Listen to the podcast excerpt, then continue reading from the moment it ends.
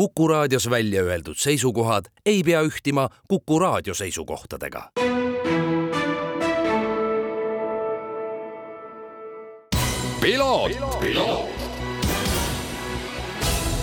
tervist, head Kuku raadio kuulajad, eetris järjekordne saade Piloot ja stuudios saatejuht Margus Kiiver nädalavahetusel sõidetud vormel üks sarja etapp Austrias Red Bull ringil pakub kõneainet kauemaks. sõnad, mida kasutati enim nii nädalavahetusel kui ka peale seda, olid track limits ehk siis eesti keeles rajapiirid. täpsemalt öeldes nendes piirides püsimine, sest selle raja kaks viimast, üheksas ja kümnes kurv, on sõitjatele peavalu valmistanud ka juba varem ja sellel teemal ka tänases saates pikemalt räägin. aga ennem seda ka tulemuste osa ja alustame sellest, mis meile, eestlastele, kõige olulisem. vormel kolm sarjas sõitev Paul Aron sai nädalavahetusel tõusta oma klassi poodiumi kõrgeimale astmele, kui võitis laupäeval peetud sprindisõidu. Pühapäevasesse põhisõitu startis ta neljandalt kohalt ja oli samuti kenasti poodiumi konkurentsis, kuni lõhkus ühes situatsioonis esitiiva ja tuli tulla boksi seda vahetama.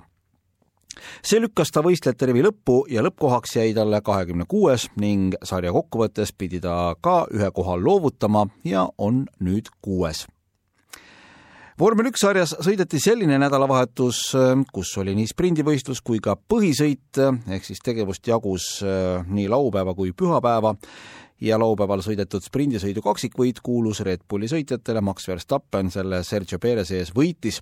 Ferrari tuli Austriasse suurte uuendustega auto juures ja tuleb tunnistada, et need toimisid. Carlos Sainzile kolmas koht sõidu alguses oli Red Bulli sõitjate vahel rajal pisut nügimist ja raadiosides ka teravuste vahetamist, aga sõidu lõpp lõpus olid äh, pinged näiliselt maas.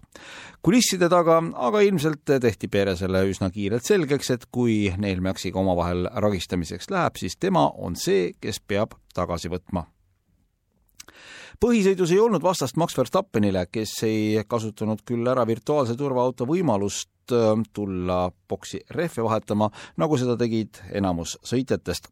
aga see ei seganud teda ka hiljem Ferrarisid uuesti oma selja taha jätmast ning sõitu Ferrari piloodi Charles Leclerc'i ning tiimikaaslase Sergio Perez ees võitmast Perez muide pressis ennast kolmandaks pärast ebaõnnestunud kvalifikatsiooni, kui ta startis põhisõitu viieteistkümnendalt kohalt ja see oli omakorda päris korralik tulemine.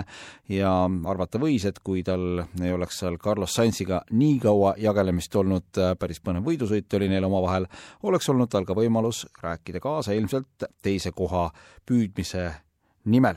aga kuulame nüüd kiirelt ära ka top kolm sõitjate kommentaarid ja kõigepealt sõiduvõitja Max Verstappen.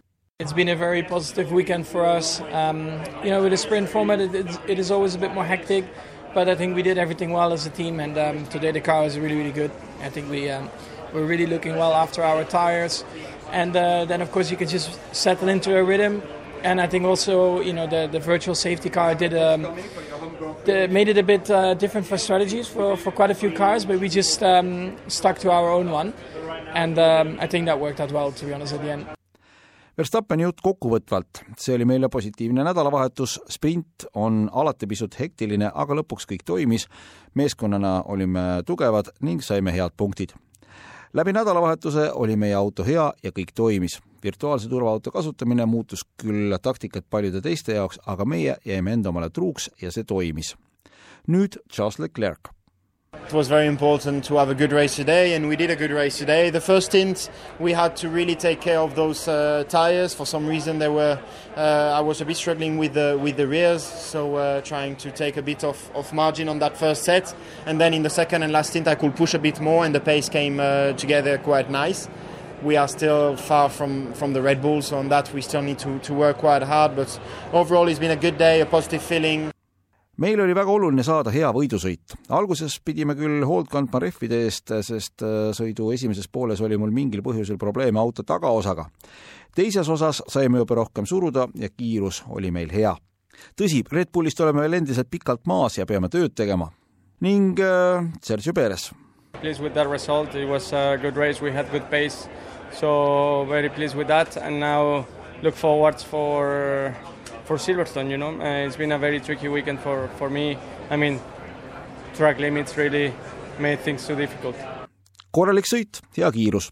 nüüd tahaks sama tunde pealt edasi liikuda juba järgmisele etapile Silverstone'is, aga kokkuvõtvalt oli see mulle väga keeruline nädalavahetus, rajapiiride jälgimine tegi asjad keeruliseks ja nüüd siis lähemegi lubatud track limitsi ehk rajapiiride teema juurde raja äärtes on äh, ringrajal valged joonest, millest ei tohi nelja rattaga üle ola, üle olla, nii ütlevad ka siis FIA reeglid.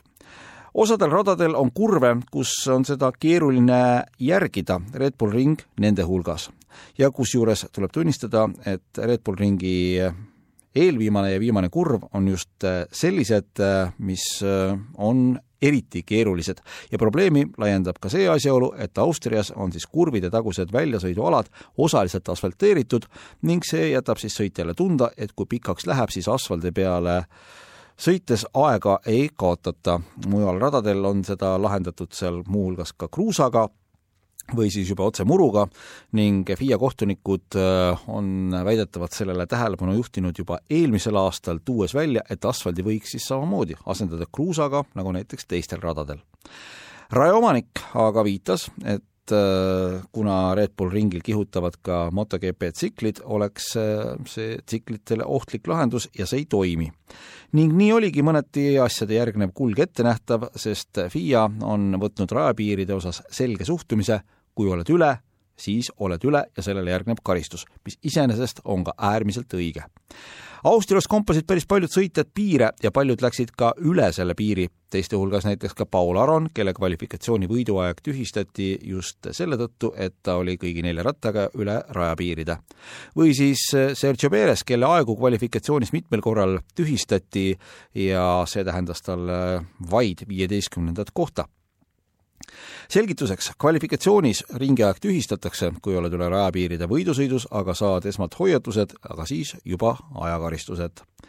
ja nüüd jõuamegi siis F1 sarja põhisõidu juurde ning läbi sõidu, kes sõitu vaatas, ilmselt mäletab väga selgelt, sai kuulda raadiosides, kuidas jär-, sõitjad järjepidevalt oma konkurentide peale keelt kandsid. et vaadake, ta oli jälle üle piiride, mitu korda saab tema teha nii enne, kui ta karistada saab ja nii edasi ja nii edasi. see jutt oli kõik suunatud tiimidele, kes siis ka kohe kohtunikke teavitasid, et äh, need jälgiksid, vaataksid ja asjale oma hinnangu andsid ja sõidu käigus teenisid nii mõnedki sõitjad oma ajakaristused, teiste hulgas ka väga korralikku sõitu teinud Carlos Sainz. ning selgitan ka nüüd ära selle süsteemi, kuidas siis sõidu käigus neid äh, trahve jagatakse. esimesed kaks üle piiride minekut või piiride ületamist tähendavad esmast hoiatust. kolmandal korral antakse sõitjale mustvalge lipp, mis on ka viimane hoiatus. ja neljandal korral, kui üle rajapiiride minnakse, on juba ajatrahv viis sekundit, mille peab siis ära kandma kas boksipeatuse eel boksi tulles või lisatakse see pärast sõitu ajale, kui sõitja enam boksipeatusest, boksi peatuseks ei tule.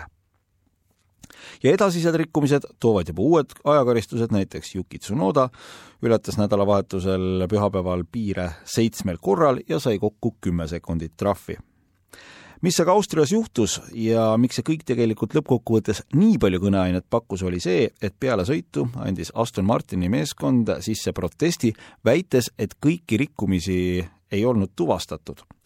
kokku oli FIA sõnul pühapäevasest sõidust tuhat kakssada juhtumit, kus auto potentsiaalselt üle rajapiiride võis minna. ja läkski Aston Martini proteste arvesse ning kui sõidu lõppedes oli teada, et viie sekundi karistus oli kanda Pierre Gaslil, Alex Albonil, Logan Sargentil, Kevin Magnussenil, Carlos Sainzil ja Lewis Hamiltonil, siis peale uut läbivaatust tuli sekundeid juurde. ning eh, see tähendas eh, siis eh, seda, et pärast sõitu said kümnesekundilise ajakaristuse juurde veel Carlos Sainz, Lewis Hamilton, Pierre Gasly, Alex Albon, Surgeant ning äh, Esteban Ocon sai kokku veel juurde neli karistust, mis tähendas talle kokku kolmekümmend sekundit. Nick de Vries sai viisteist sekundit ajakaristust kokku ning tema tiimikaaslane Alfa Tauri meeskonnast Yuki Tsunoda sai lisaks algsele viie sekundi karistusele veel ühe viiesekundilise ajakaristuse juurde ja see on tõesti midagi sellist, mille taolist ei mäletata varasem, varasematest aegadest ja uued äh, tulemused tähendasid siis seda, et Carlos Sainz kukkus neljandalt kohalt kuuendaks, äh, Lando Norris tõusis viiendalt kohalt neljandaks, Fernando Alonso liikus viiendale positsioonile, Lewis Hamilton kukkus seitsmendalt kaheksandaks, vahetades kohad ära meeskonnakaaslase George Russelliga ning äh, Pierre Gasly kukkus kümnendale kohale, Lance Stroll tõusis siit äh, üheksandale kohale, Esteban Ocon äh, põrus kaheteistkümnendalt neljateistkümnendaks, Albon ja Sargent hoidsid oma kohad üksteist ja kolmteist ja De Vries kukkus viieteistkümnendalt seitsmeteistkümnendale kohale ning koha kaotas ka tema tiimikaaslane Tsunoda, kes kukkus siis kaheksateistkümnendalt üheksateistkümnendale kohale. Kui me nüüd vaatame, et Fernando Alonso liikus siit viiendale positsioonile ja koha võrra tõusis ka Lance Stroll, siis tuleb tunnistada, et Aston Martinil oli taas kord põhjust selline protest teha. aga selge on see, et sellised vangerdused peale sõidu lõppu äh, kindlasti sarja mainele head ei tee, positiivse poole pealt võib öelda, et sel korral ei muudetud äh, vähemalt äh, poodiumi koosseisu ja karikaid ei hakatud vahetama, aga kindlasti ei ole see positiivne, kui sõidu lõppedes on üks tulemus ja võib-olla järgmisel hommikul tulemusi vaadates avastab fänn, et kõik on muutunud. FIA väljendas väga selgelt arvamust, et omanikul tuleb leida uus lahendus nendele kahele kurvile, sest sellisel moel jätkamine pole võimalik mõned aastad tagasi, kui rajapiirdeid nii hoolega ei jälgitud, olid sõitjate sõnul need kurvid väga nauditavad sõita, täna enam väga mitte ja ega tõesti, antud olukorras polegi muud teha, sest reegel on reegel ja pigem on hea, kui neid selgelt ja ühtemoodi jälgitakse. Pole põhjust näidata ka näpuga sõitjate peale, et mis mõttes te ei suuda siis äh, rajal püsida piiride piires, sest nemad püüavad igast kurvist võtta maksimumi ja sellisel kiirusel liikuvast autost ei ole eriti hea näha, kuhu see valge joon jääb. ja küsimus pole mitte meetrites, vaid sentimeetrites F1 autoga sõitmine on nagunii kogu aeg piiri peal mängimine, mida mõjutavad erinevad asjaolud, rehvide pidamine, tuul, selle suund, eessõitva autolt tulev must õhk ja palju muud. ning enamuse sõitjate reaktsioon sellele kõigele oli, et veel kord ütlen seda, reegel on reegel ja seda tuleb järgida, aga selle raja kaks viimast kurvi on vaja korda teha viisil või teisel. Red Bull ringi omanikel on selleks aega kaksteist kuud. jõudu tööle! Selline oli tänane saade, püsisime piirides, mina olen saatejuht Margus Kiiver ja kohtumiseni juba järgmisel nädalal. piloot, piloot..